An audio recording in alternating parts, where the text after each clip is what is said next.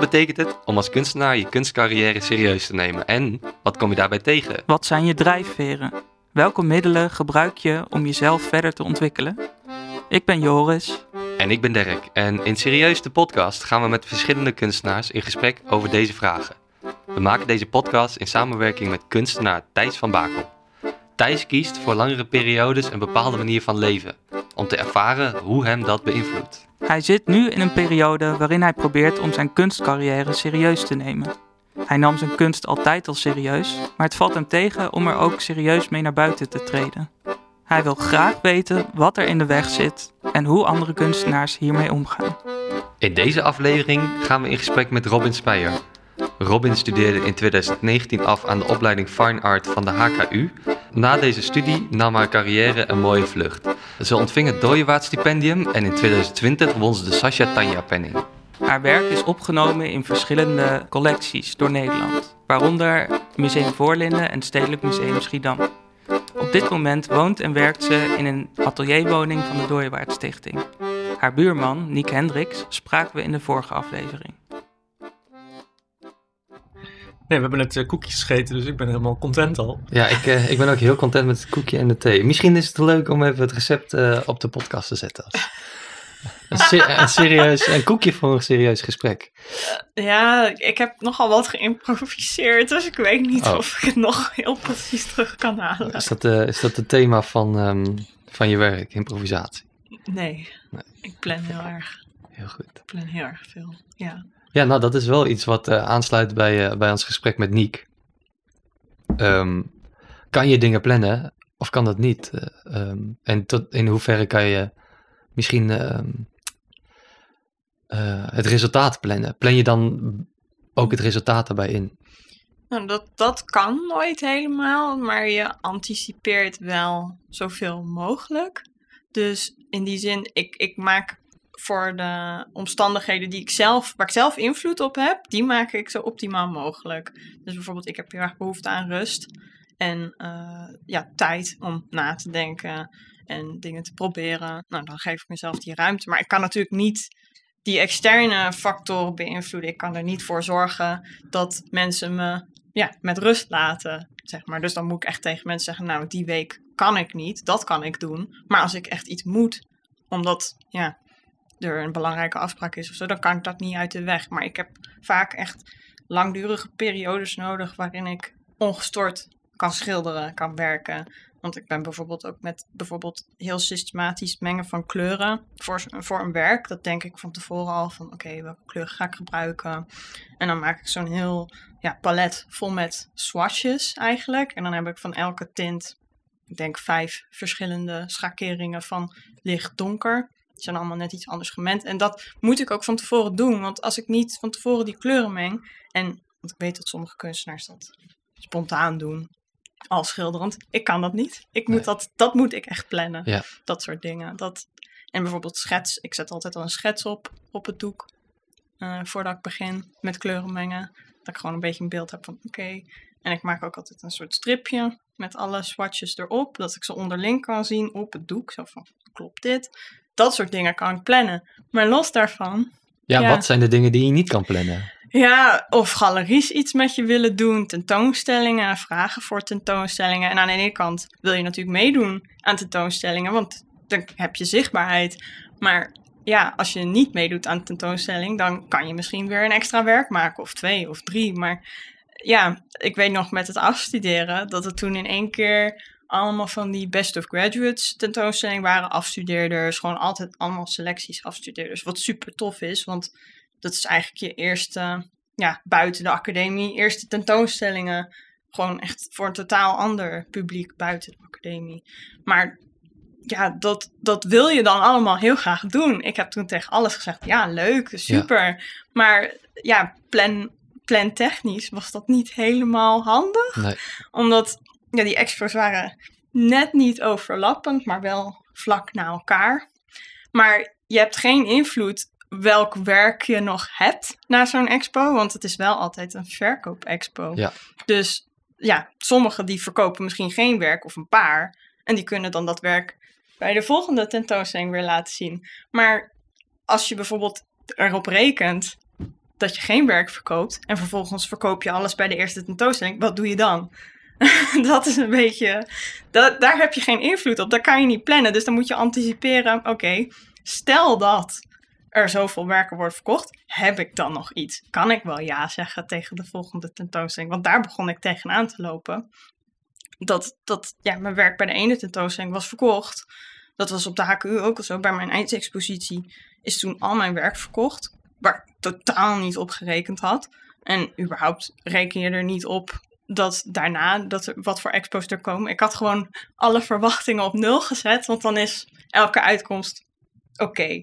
Maar dat gebeurde dus niet. Ehm, en toen werd ik gevraagd voor zo'n afstudeertentoonstelling. Toen zei ik, ja, maar al het werk wat op de expo te zien was, is er niet meer. Ja, best of credits. Ja, bij Ron Mandels was de eerste. En toen zei ik, ja, uh, dat werk is er dus niet. Ik heb wel ander werk, maar dat is dus... Ik weet niet of je dat werk ook goed genoeg vindt. Dus heb ik heel laat in de avond nog zo'n lijst gestuurd van dit heb ik nog. Dan kreeg ik al heel laat in de avond nog een mail terug. Ja, dit is ook goed. Nou, ja. mocht ik meedoen. Ja, dus, maar, dus je zit wel uh, bij jezelf de hele tijd misschien in onzekerheid. Of uh, doe, doe ik het goed? Is dat een beetje de vraag? Um, ja, dat is in het begin wel vaak de vraag geweest. Dat, uh, dat heb ik nu minder. Dat ik, mezelf, dat ik zo aan mezelf twijfel. Maar in het begin is het heel moeilijk om nee te zeggen tegen dingen. Omdat je het idee hebt van, oh, ik moet deze kans aangrijpen. Want misschien als ik nu nee zeg, komt die vraag niet meer. Omdat ze denken, ja, vorige keer zei ze nee. Dus dan, dan ben je bang dat je die kansen verliest als je nee zegt. En ja, tegelijkertijd merkte ik dus dat ik wel zo vaak ja had gezegd. Dat ik er een beetje, um, ja, ik zou het geen burn-out willen noemen. Maar dat ik echt een beetje overwerkt was. Dat ik dacht, oh, ik heb echt even een moment van rust ja. nodig.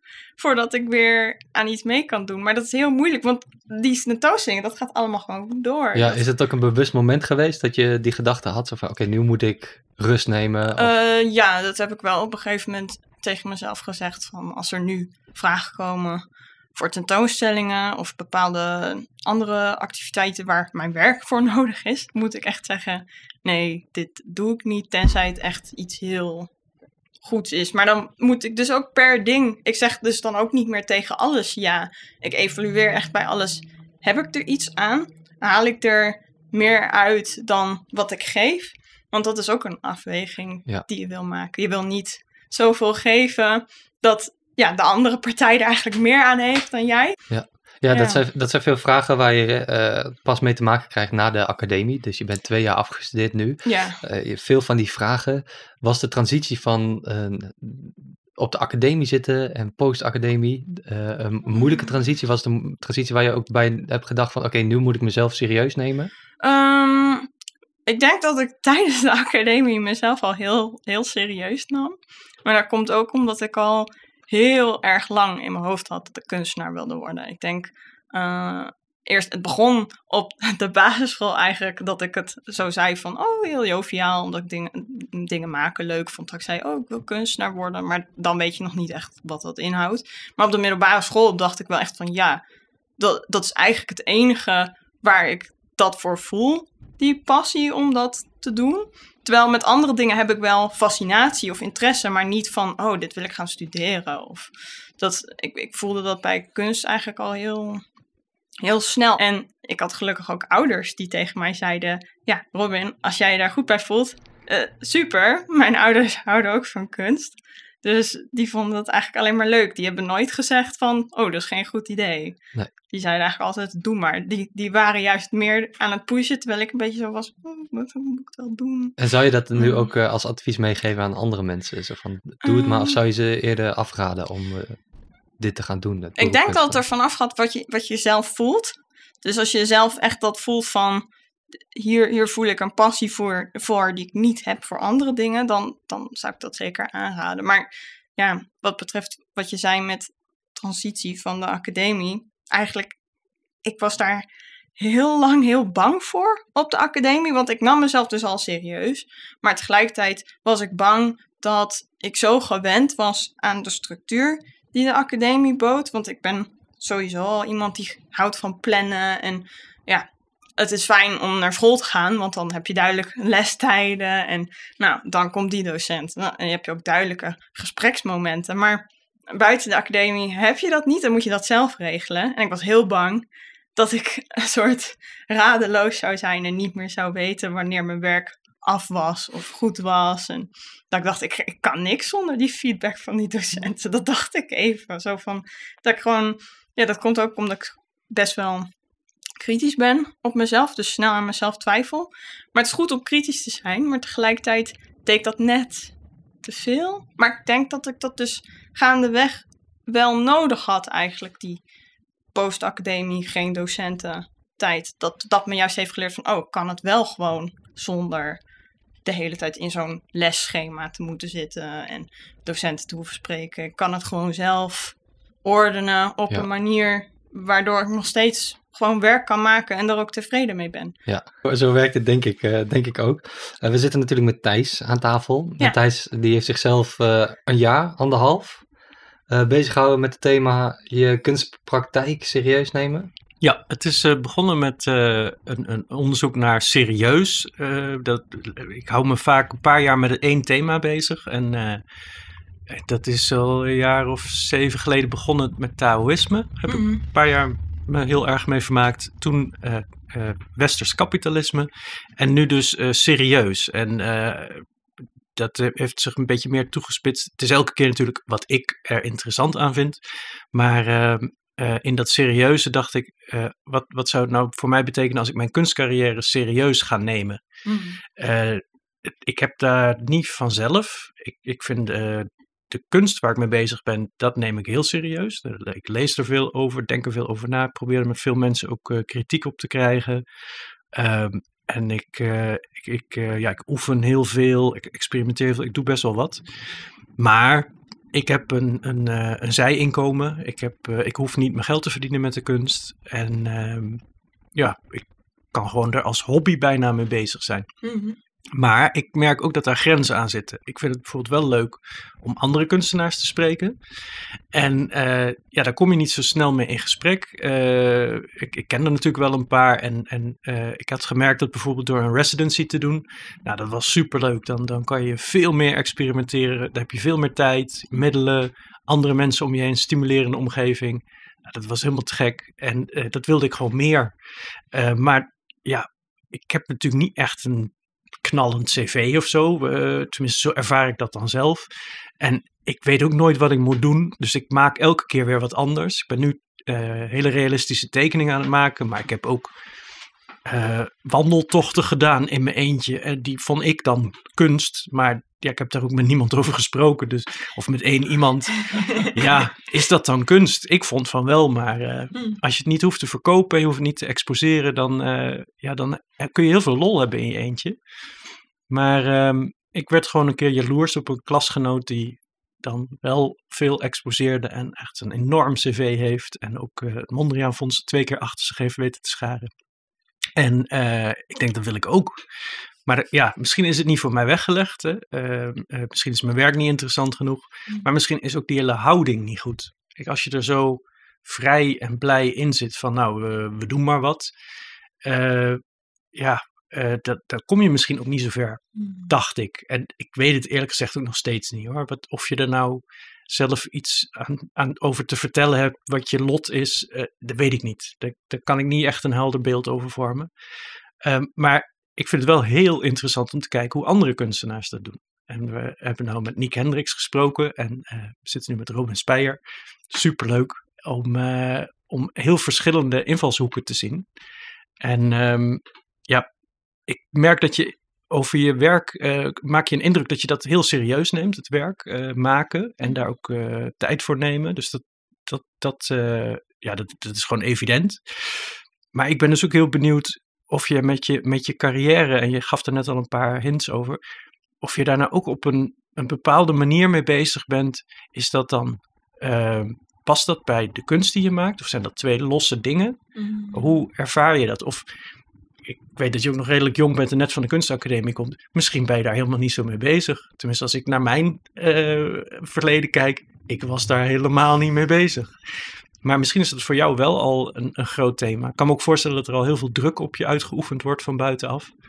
Ehm, ja, ik vind het zelf ook wel een lastig onderwerp, moet ik zeggen. Maar dat komt ook op de kunstacademie, hebben we eigenlijk bij de HKU in ieder geval, ehm, waar ik heb gestudeerd, ehm, hebben eigenlijk pas in het laatste jaar meer gericht wat dingen gehad over financieel. eh, wat vragen galeries van je? Wat kun je voor je werk vragen?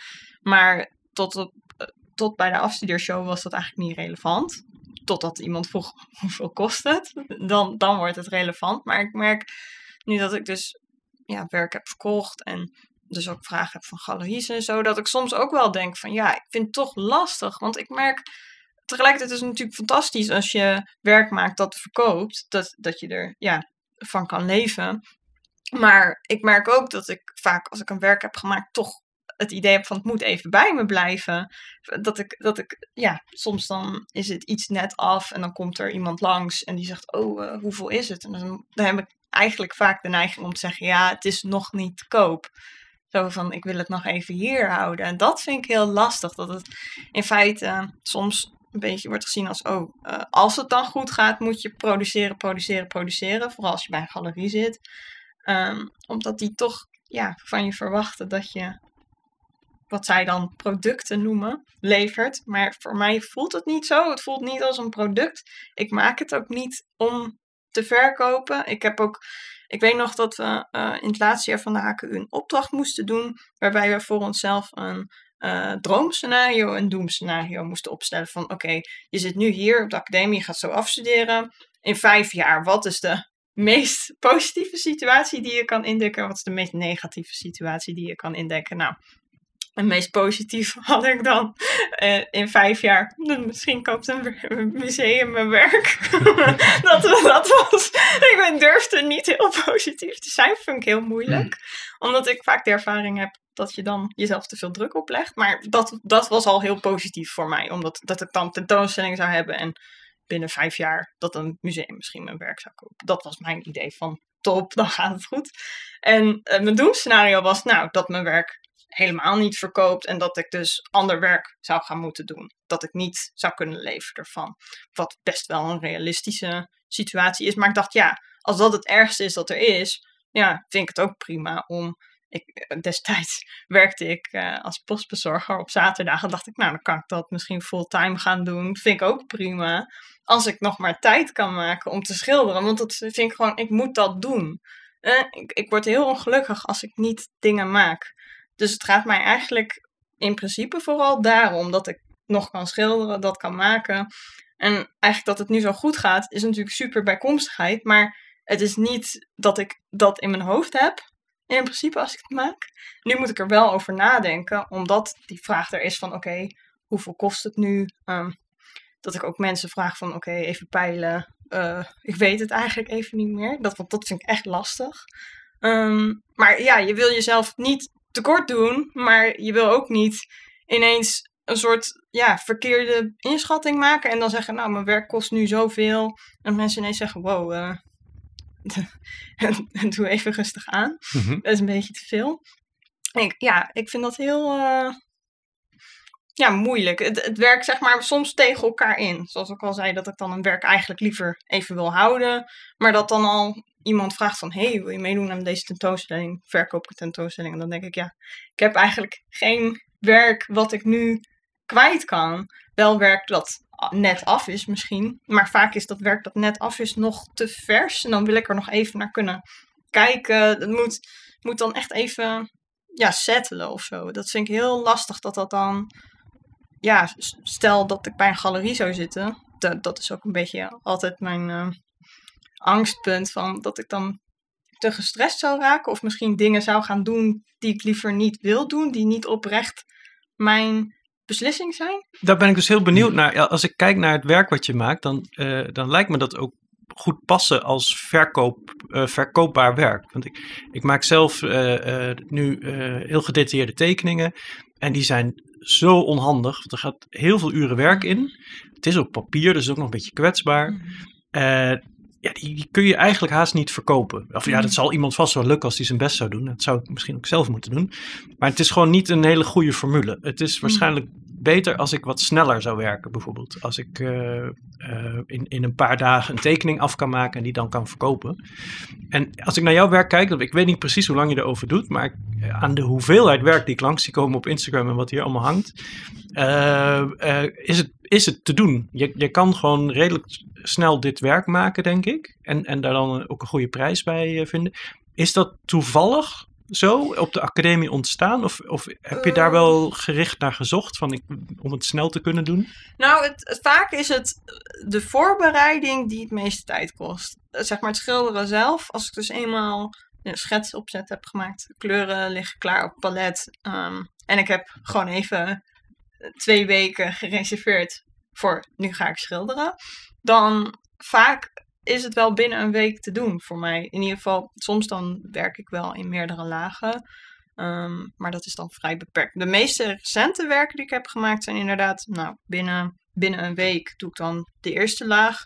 En dan moet het even drogen. Het is watervermengbare olieverf waarmee ik werk. Dus dat droogt relatief snel in verhouding tot echte olieverf.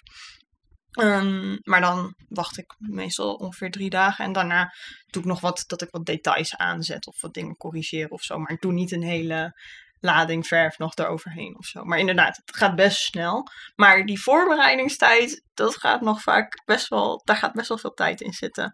Ik En, heb, en wat valt ja. daaronder dan, voorbereiding? ja, überhaupt kiezen wat ik ga maken. Want ik moet wel iets echt eh, als uitdagend zien en inspirerend voordat ik er iets mee kan. Want ehm, wat ik ook wel eens hoor van mensen die zeggen: Ja, word je niet moe van dat stofschilderen? En dan denk ik: Ja, maar ik doe elke keer iets anders. Ik onderzoek elke keer een ander aspect van zo'n stof. Het is echt niet elke keer hetzelfde werk. Want dat zou me ook heel erg gaan vervelen. Als bijvoorbeeld iemand zegt: Oh, ik zag dat je dit en dit werk hebt verkocht. Kan je dat weer maken? Ja, nee. Dat, dat, en het lukt sowieso niet om iets exact na te maken. Maar twee, ik vind dat ook gewoon helemaal niet leuk. Daar heb ik helemaal geen zin in. Dus dat, dat zou ik überhaupt al niet kunnen doen. Want ik heb die plezier van uitdaging nodig om iets te maken. En dit, Dus, dit, dit ja. textiel naschilderen, zo kan ik het bijna noemen, denk ik toch? Eh, Ja, naschilderen vind ik altijd een lastig Oké, woord. het is een interpretatie van. eh, je maakt het anders? Eh, ja, ik, ik vind eh, wat het probleem is met het woord naschilderen, is dat veel mensen dan eh, terug worden gegooid naar middelbare schoolperiode. Dat er dan eh, een, een stil leven werd neergelegd en gezegd, nou ga het maar natekenen. Mhm. Maar het is niet mijn doel om een replica te maken van wat, wat er voor me ligt of wat ik zie. Dat, dat wil ik helemaal niet. Ik, ik wil echt inderdaad een, juist een interpretatie in verf maken van zo'n stuk stof. Bijvoorbeeld die, eh, ik, heb, ik heb recent twee werken gemaakt die gebaseerd zijn op een eh, stuk stof wat ik in Schiedam heb gekocht.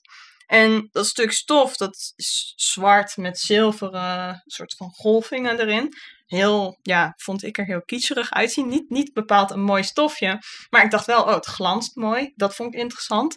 En het patroon vond ik interessant, want het is best wel heftig, druk patroon. Maar ik dacht wel, ja, ik moet, moet daar iets aan veranderen. Dus toen ik het heb geschilderd, heb ik het die kleuren gegeven van rood en geel en blauw en geel. Want dat vond ik mooier. Daar had ik meer aan binnen het schilderij. Terwijl die stof bezit dat dan niet, maar ik wil dat dan toch graag zo veranderen, zo toevoegen, omdat ik denk dat is een beter en interessanter beeld dan ja, het origineel. Maar dat hoort dus ook bij die voorbereiding. Dus daar, daar Ja. ben je dan ook echt gewoon goed veel tijd mee kwijt. Ja, gewoon puur, puur ja, stoffen vinden waarvan ik ten eerste denk interessant, zitten uitdagende aspecten in. Mhm. Ehm, en dan ook nog het vinden van een compositie. Dat is vaak ook heel veel werk.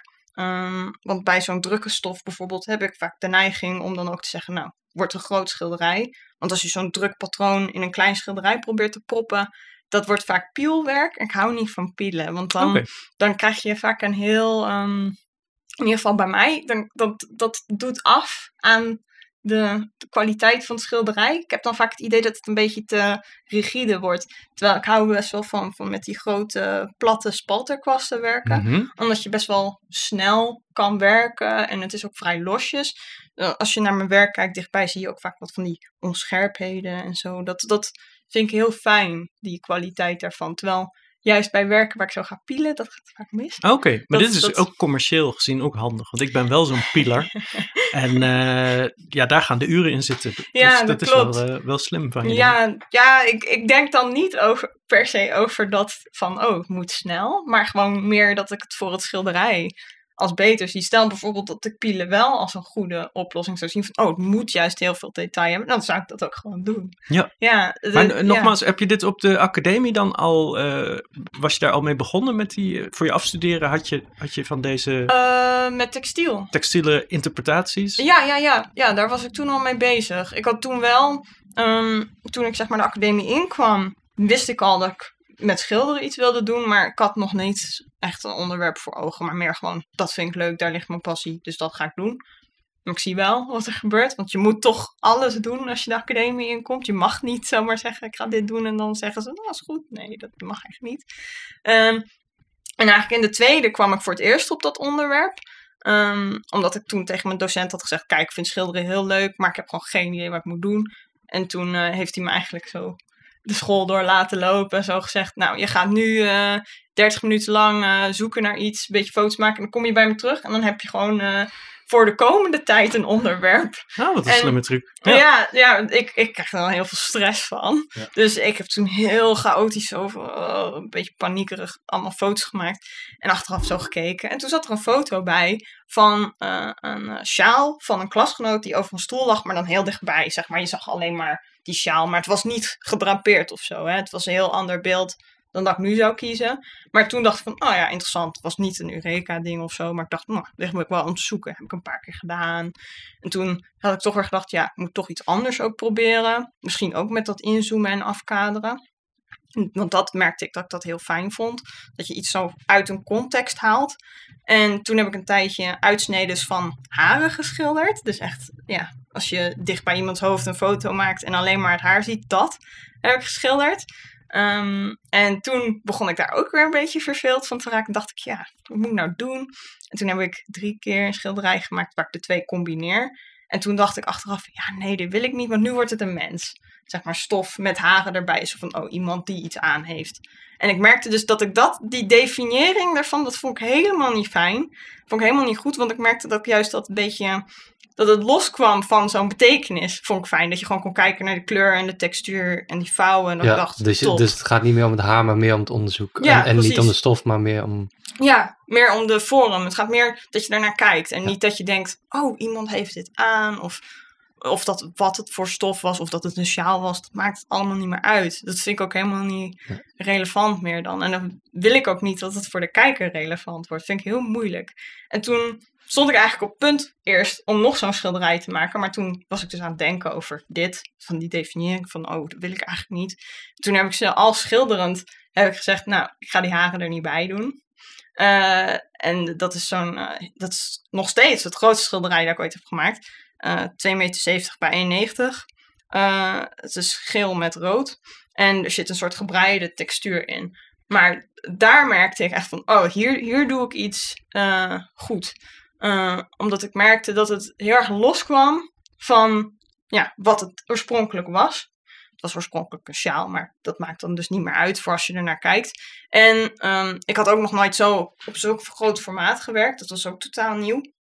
Merkte dat dat ook echt iets deed voor het werk. Want ja, als je het klein houdt, dan blijft het ook voor je in verhouding tot je eigen formaat. Dan kan je zo zien, oh ja, het is, het is nog net zo groot als ik of kleiner dan Dat ik. had Maar- sjaal kunnen zijn. ja, precies. Ja. Terwijl als je het zo opblaast, denk je, ja, dit bestaat gewoon niet meer. Nee. Ehm, en dat, dat, dat effect, dat dacht ik echt van, ja, dit, dit, dit moet ik hebben. Ja. Dus toen eh, had ik wel eh. Zo'n duidelijk moment van, oké, dit, dit ga ik. Dat was in mijn afstudeerjaar. En- dus En je krijgt dat gevoel, eh, dat is een blijf gevoel neem ik aan Een prettig gevoel kan ik het wellicht beter beschrijven. Ehm, weet je dan ook dat je er jaren mee doorgaat? ehm, nee, Nee. Dat weet ik niet. En dat durf ik ook niet te zeggen. Eh, want ja, aan de ene kant, als ik dit nog jaren wil doen, ja, in principe zou daar niet iets op tegen moeten zijn. Want als ik dat wil en het voelt goed, prima, dan zou ik ook tegen mezelf zeggen, blijf vooral lekker doen. Maar ik moet het niet blijven doen, omdat ik het idee heb dat als ik iets anders ga doen, dat anderen het niet meer interessant vinden. Dat maakt me niet zoveel uit. En werkt dat hetzelfde buiten het maken van, eh, van een, een, een kunstwerk en eh, van, je, van je werk, bijvoorbeeld met galeries, dat je weet van oké,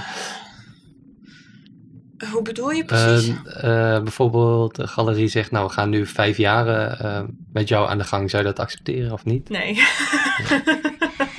niet als ik ze niet al ken en weet het zit goed en dat we al duidelijke afspraken hebben gemaakt. Dat, dat zou ik echt niet Nee. durven. Nee. Nee. Maar dat is meer, ik, ik weet ook hoe moeilijk dat is. Dat als je jezelf vastzet op iets, maar binnen een jaar bijvoorbeeld heb je er al genoeg van. Ja, wat ga je dan doen?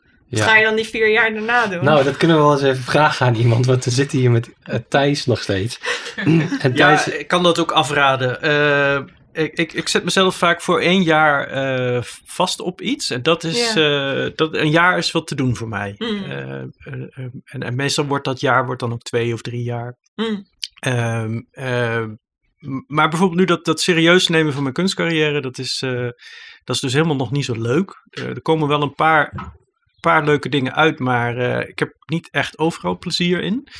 Dus eh, dat is vervelend en het is ook echt moeilijk. Dus ik moet, eh, ja, moet best wel hard nadenken over wa- wat ik, wat ik wil bereiken of waar het naartoe moet. Mhm. Eh, dit is een leuk, leuk uitstapje. De, de podcast, dat bevalt eigenlijk nog wel, wonderwel. Had ik niet verwacht.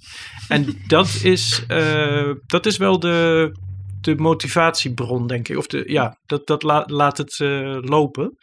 Ehm, maar ik, ja, ik, ik, ik zit me steeds af te vragen, nu ik naar je luister, of ik nou op een heel andere manier met kunst omga, of dat het toch precies hetzelfde is. Want jij maakt eh, in, in, in, ogen van velen en die van mij dan eh, dezelfde schilderijen. Maar dat, jij zegt dat is helemaal niet zo. Het is elke keer weer een nieuw eh, ding.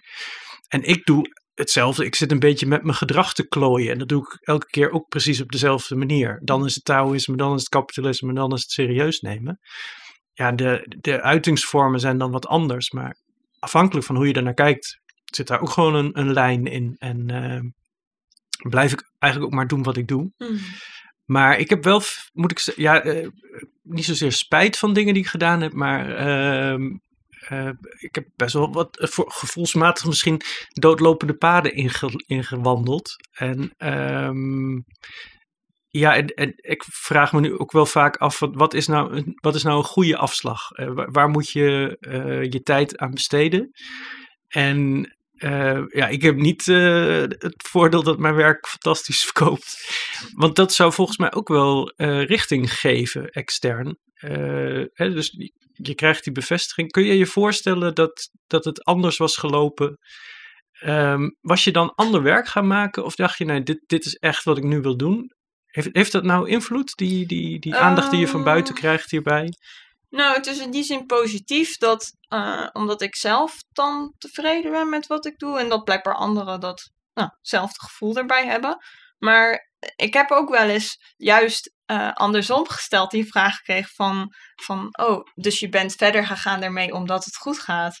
Eh, maar zo van, nee, dat, dat helemaal niet. En ik was het ook niet anders gaan doen als het niet goed was gegaan, omdat het voor mij goed voelt. En dat, dat blijft altijd de, de noodzaak voor mij. Van, ik moet, wel degelijk is het belangrijk om te kijken hoe reageert de buitenwereld op je, maar het is vooral belangrijk dat je er zelf tevreden mee bent. Want als, stel dat, dat, nou inderdaad, dat het goed was gegaan zoals het nu is gegaan, maar dat ik na een half jaar had gezegd, ja, ik ben nu wel toe aan wat anders. Ja. Dan, ja, Als je dan naar klasgenoten kijkt, hè, ik ga er maar gewoon klakkeloos vanuit, ook al ken ik ze niet, dat, die, dat er een aantal bij zitten die niet zo succesvol zijn. En, en toch misschien ook interessante dingen doen, ook misschien in jouw ogen. Eh, kun je die, zou je die tips kunnen geven van, nou, ik heb iets gedaan, joh, dat was echt slim. Of is het toch meer dat het je overkomt? Ja, dat Klinkt, al, klinkt bijna negatief, hè? Maar als we Nick ja. Hendricks in herinnering roepen, is dat gewoon de gang van zaken. Ja, het, het is inderdaad wel waar dat het je grotendeels overkomt.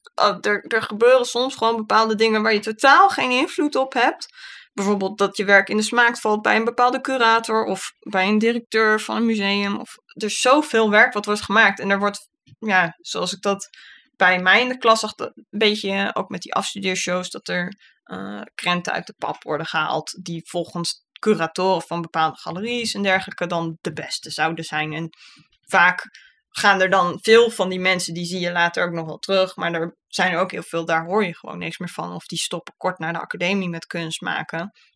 En die hebben daar allemaal hun redenen voor. Of omdat ze het ja, niet sustainable vinden, omdat ze geen tentoonstellingen hebben en daardoor geen plezier erin. Maar iedereen heeft er ook weer zo'n totaal andere ervaring in. Want ik ken ook mensen die, die werken knijterhard door, ook al hebben ze helemaal geen dingen op de planning staan. En dat, ja, dat, dat waardeer ik ook heel erg. Maar het is ook juist, ik voel me vaak juist bezwaard dat het dan met mij wel goed gaat. Want het is echt niet zo dat ik harder werk dan zij. Dat, dat vind ik disproportioneel om te zeggen.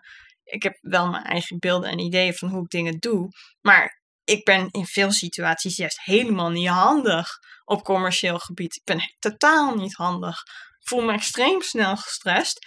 En als ik eenmaal gestrest ben, dan, kan ik, dan blokkeer ik gewoon. Dan kan ik niks meer maken. Dus dat is echt totaal zinloos als je dan een galerie hebt en die zegt, nou, ga dit maken. En ik zeg, nee, ik krijg stress van je, het lukt niet. Terwijl andere mensen die zeggen, ja, Robin, ik kan alleen werken als ik een deadline heb. Ik heb juist precies het tegenovergestelde. Als ik een deadline heb, dan denk ik, oh nee. Dus... Nou, um, ik heb in mijn onderzoekje naar het serieus nemen van die kunstcarrière kwam ik ook een, uh, een marketing-expert uh, tegen. En die uh, raadde me aan om meer op social media te gaan doen. Nou, daar ken ik ook het Rhizoom groepje van. En zodoende zit ik hier denk ik ook. Um, maar ik had daar wel moeite mee hoor, om op Instagram mm. überhaupt lijn in mijn werk vond ik al moeilijk aan te brengen. En dat dan ook nog veel naar buiten te brengen. Ik maak ook niet zoveel. Mm. Allemaal niet zo makkelijk. Maar ik zie jouw Instagram profiel is een van de strakste volgens mij van het hele Instagram. Dus het zijn... Uh, het is heel mooi. En je moet eerst nog even doorschuiven voordat je dan een hand ziet bij de, bij de nieuwe. Uh, yeah. en, en, dat vind ik ook een hele leuke toevoeging. Maar daar bekroop me het idee dat je hier wel over nagedacht hebt van tevoren. Ik denk wel heel erg veel na over hoe ik dingen presenteer. Ja, maar dat is ook gewoon vanuit mijn eigen perfectionisme. Dat ik dan wil dat het er op een bepaalde manier uitziet. Dat er een bepaald overzicht te zien is. Want dat vind ik zelf ook fijn als ik naar ja, mijn, Instagram kijk of naar mijn website. Dat ik denk, nou, de foto's zijn goed. Het is gewoon duidelijk dat ik er zelf ook. Ik, ik gebruik vaak mijn eigen website om een beetje mijn agenda bij te houden. Als ik dingen op planning heb staan. Omdat daar staat het gewoon duidelijk in. Het, het, ik vind het zelf heel handig. Maar met bijvoorbeeld die Instagram. Ik vind het zo belangrijk goede foto's te maken. Omdat ik dus vaak de ervaring had dat zo'n werk maar ja, beperkte tijd bij me was. Voordat het naar een tentoonstelling ging of werd verkocht. Dan als ik dan geen goede foto's had, ja, dan baalde ik. Want ik heb op de academie ja, werk ben kwijt waar ik echt geen goede foto's destijds van heb gemaakt, omdat ik niet een goed genoeg camera had. Dus die foto's heb ik nu zoiets van, ja, eigenlijk wil ik nog een keer naar dat werk om een betere foto te maken. Want ik, ja, in tegenstelling tot met fotografie ben je dat werk gewoon kwijt.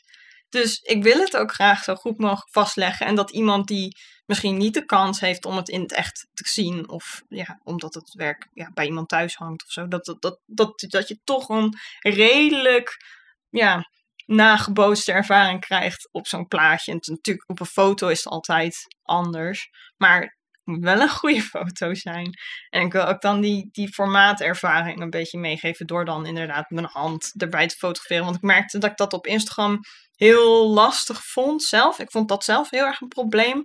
Zowel bij uh, ja, kunstenaars als andere dingen. Dat ik gewoon zag van ja, dat ik dan zei, oh, hoe groot is dit werk? En dan bleek het of veel groter of veel kleiner te zijn dan dat ik dacht. Uh, ik heb het nu in het echt gezien. En dat is toch weer heel anders dan op Instagram.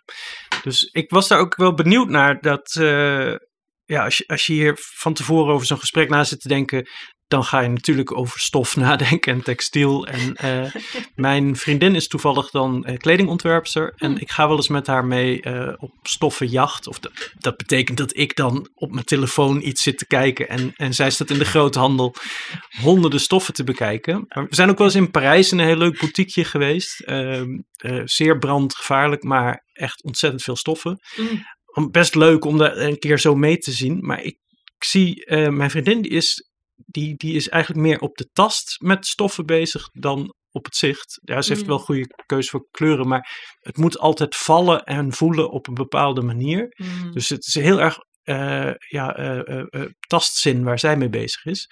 En ik vroeg me af hoe dat, hoe dat nou is voor iemand die juist heel visueel bezig is. Maar nu ik de doeken in het echt heb gezien, er zit wel, ook al is het een- voor mijn gevoel redelijk dun eh, geschilderd. Ik heb daar niet zoveel verstand van. Maar het ziet er redelijk dun geschilderd uit. Maar er zit wel kwaststrepen, zie je wel. Je ziet, eh, er is inderdaad niet gepield tot op de millimeter. Er zit een, een bepaald handschrift in wat wel prettig is.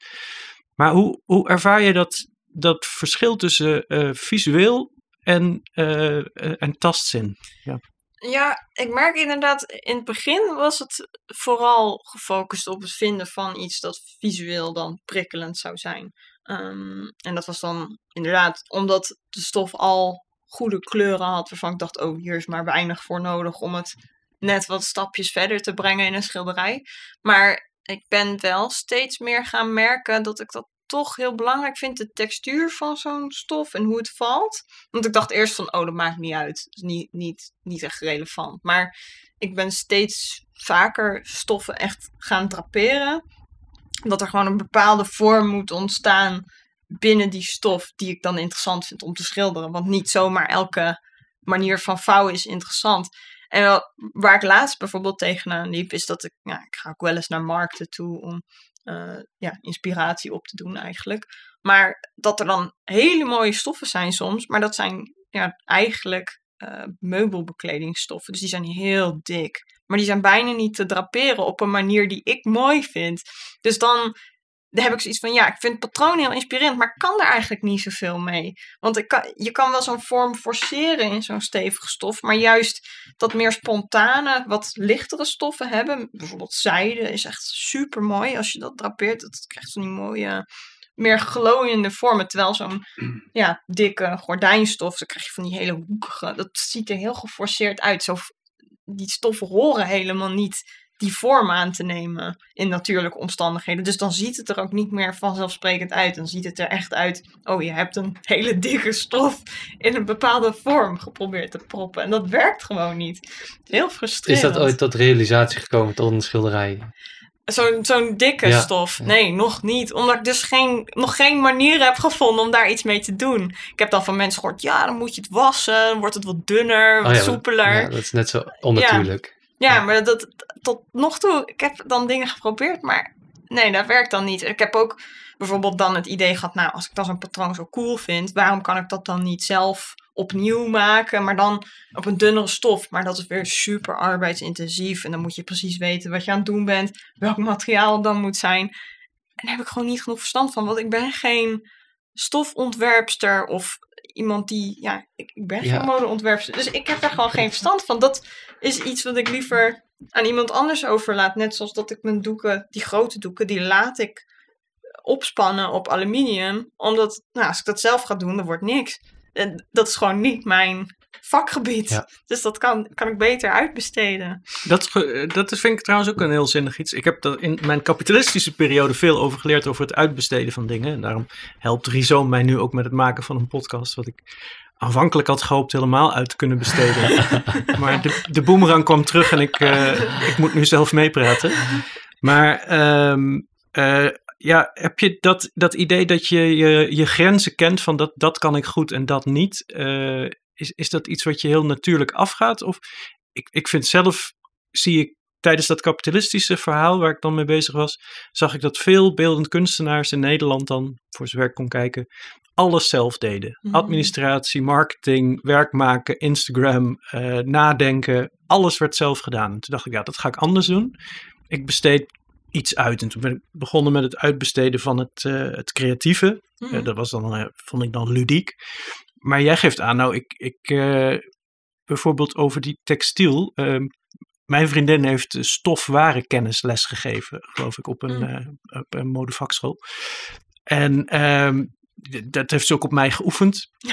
dus ik, ik weet er een beetje wat van. Maar is dat dan niet iets wat, wat jou, eh, wat jij denkt van, nou, dat, dat moet ik er ook bij trekken? Jij weet gewoon schilderen, dat, daar is het, daar houdt het op? Of, of, Nou, eh, ik, ik speel dus met het idee er nog zelf iets mee te proberen voordat ik echt iets anders zou inschakelen, want ik ben heel koppig. Ik ben extreem koppig. Dus ik doe ook het liefst alles zelf. Omdat ik dan het idee heb, oh, dan wordt het goed gedaan. Wat natuurlijk onzin is, want ik kan heel veel dingen helemaal niet zo goed. Als ik mezelf probeer te overtuigen dat ik ze kan. Maar dan heb ik ook zoiets van, oh, ik kan het wel leren, is wat te doen. Bijvoorbeeld mijn eigen administratie, zeg maar de jaaraangifte. Ik dacht eerst van, prima, ga het gewoon zelf proberen. Ga zelf een balans maken, winst- en verliesrekening. Komt goed. Ik heb EM gehad op middelbare school. Er werd helemaal niks. Dus dat heb ik toen uh, op de valreep toch uitbesteed aan een boekhouder die gespecialiseerd is in creatieve sector.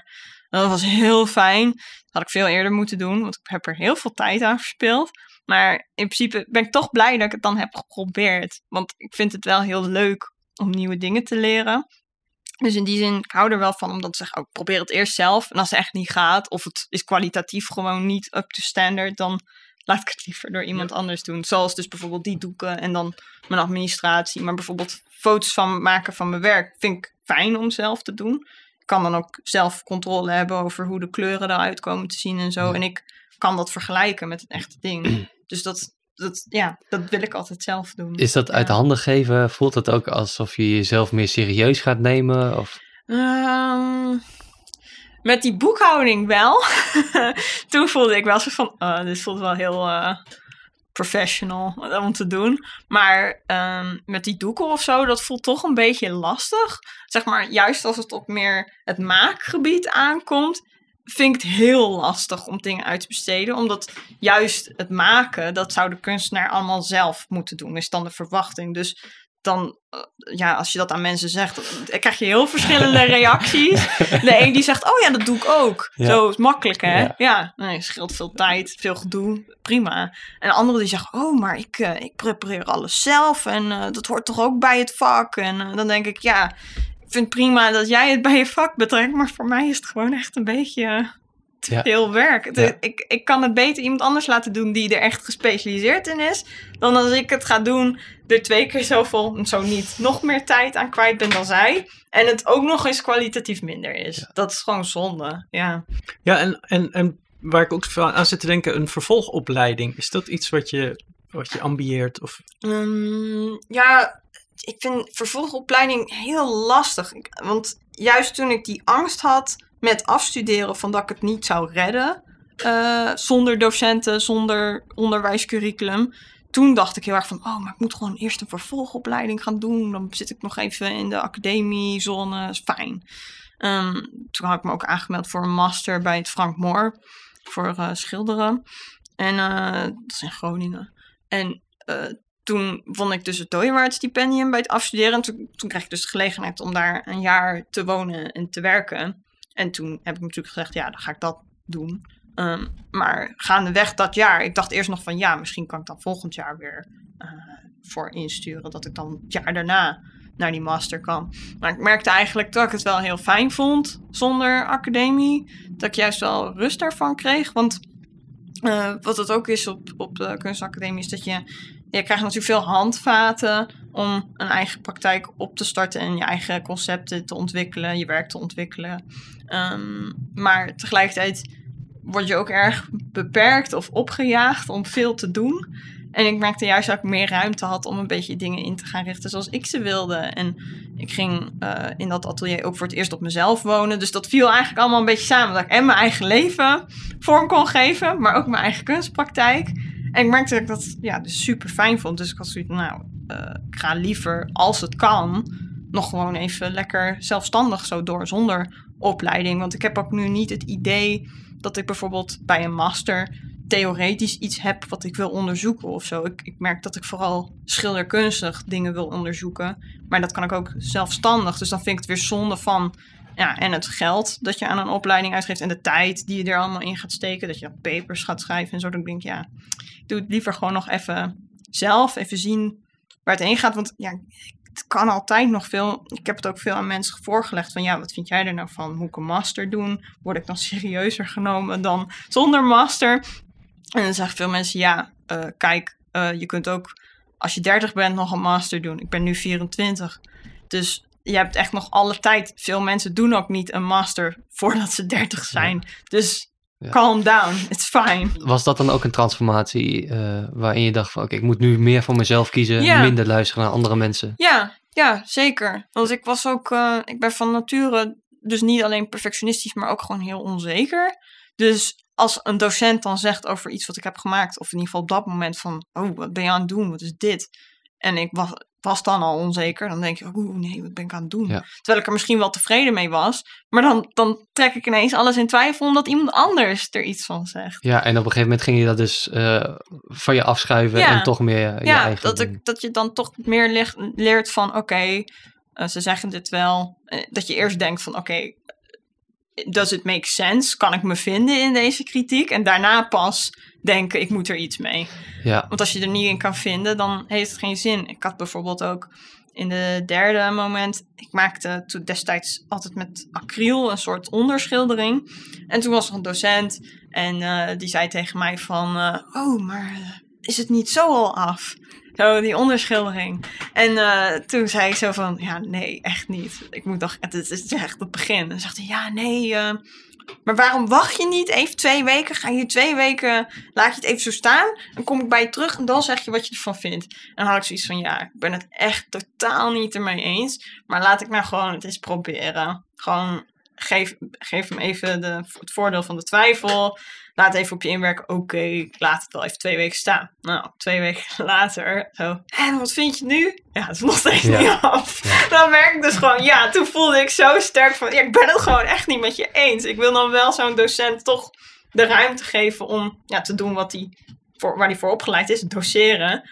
Maar als ik het gewoon, toen merkte ik echt van, ja, ik ben het dan gewoon echt niet eens. En dan is het heel goed als ik gewoon meteen kan zeggen, nee, dat werkt niet voor mij. In plaats van dat ik twee weken ga wachten om te zeggen wat ik eigenlijk al meteen voel. Maar dat vind ik een interessante tegenstrijdigheid. Dat je eh, aan de ene kant zeg je, ik ben over sommige dingen onzeker. Mhm. Maar je, bij andere dingen, dan, dan zeg je, ja, als het goed voelt, nou, dan, dan zit je ook geramd volgens mij. Dan, ik ben Ja. zelf iemand die nooit echt goed weet wat hij wil. Oh, Dat is Ja. een handicap.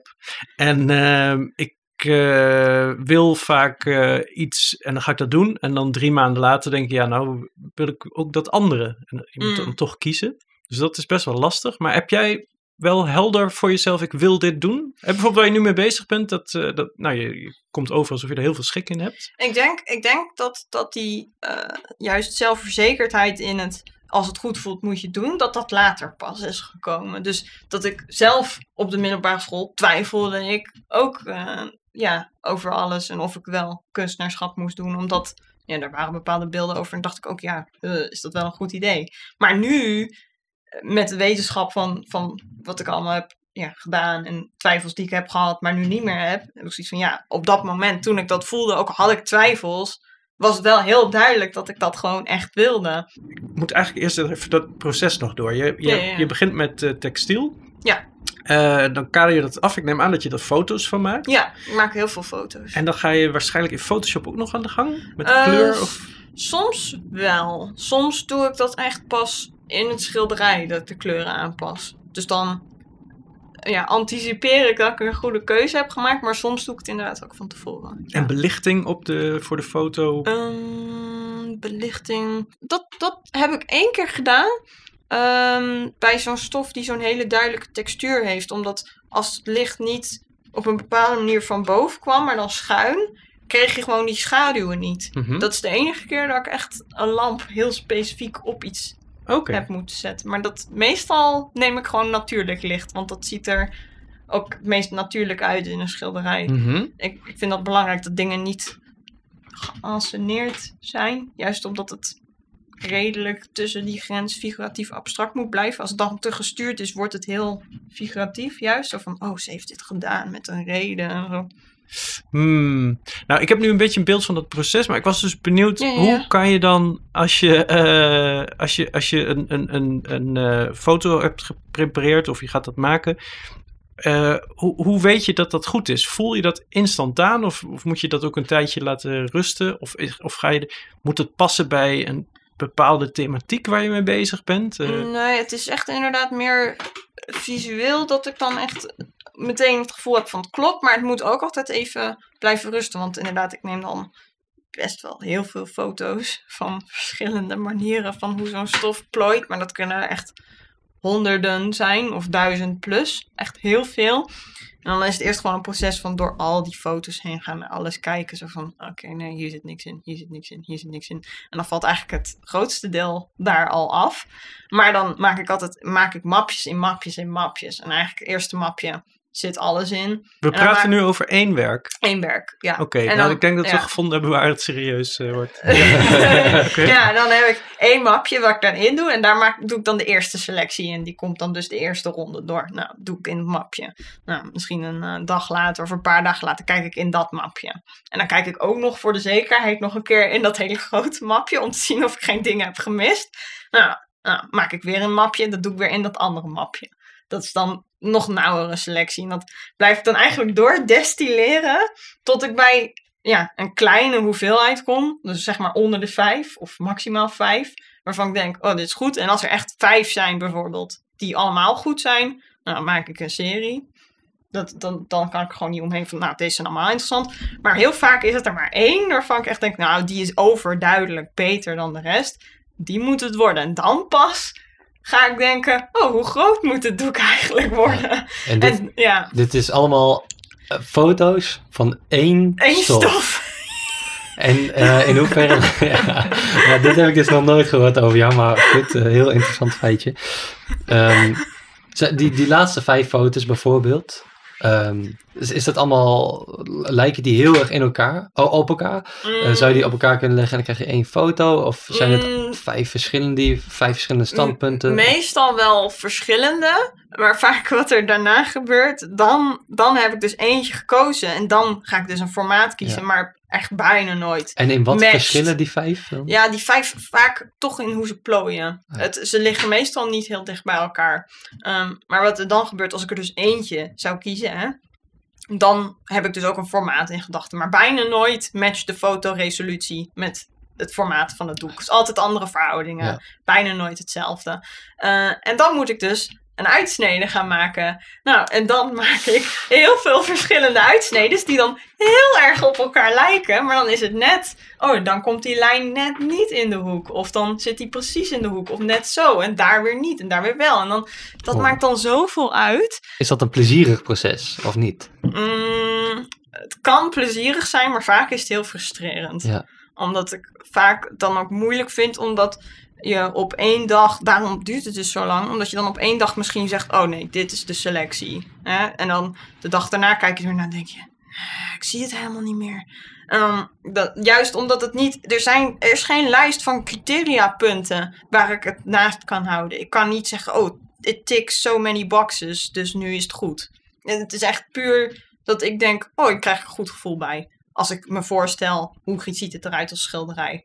Eh, maar het, het is zo fleeting, hè. Dat- eh, Ieder moment, Ja. een paar dagen later, kan ik weer totaal iets anders denken. Dus dat is, dan wordt het super frustrerend. Als mijn hoofd dus besluit elke keer weer te denken, oh nee, het is toch niet goed. Ja, dan word je wel gek, ja.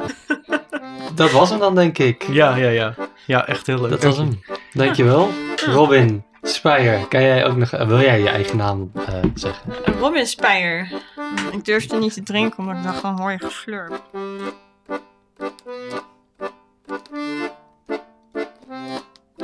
Dank aan Robin Speyer.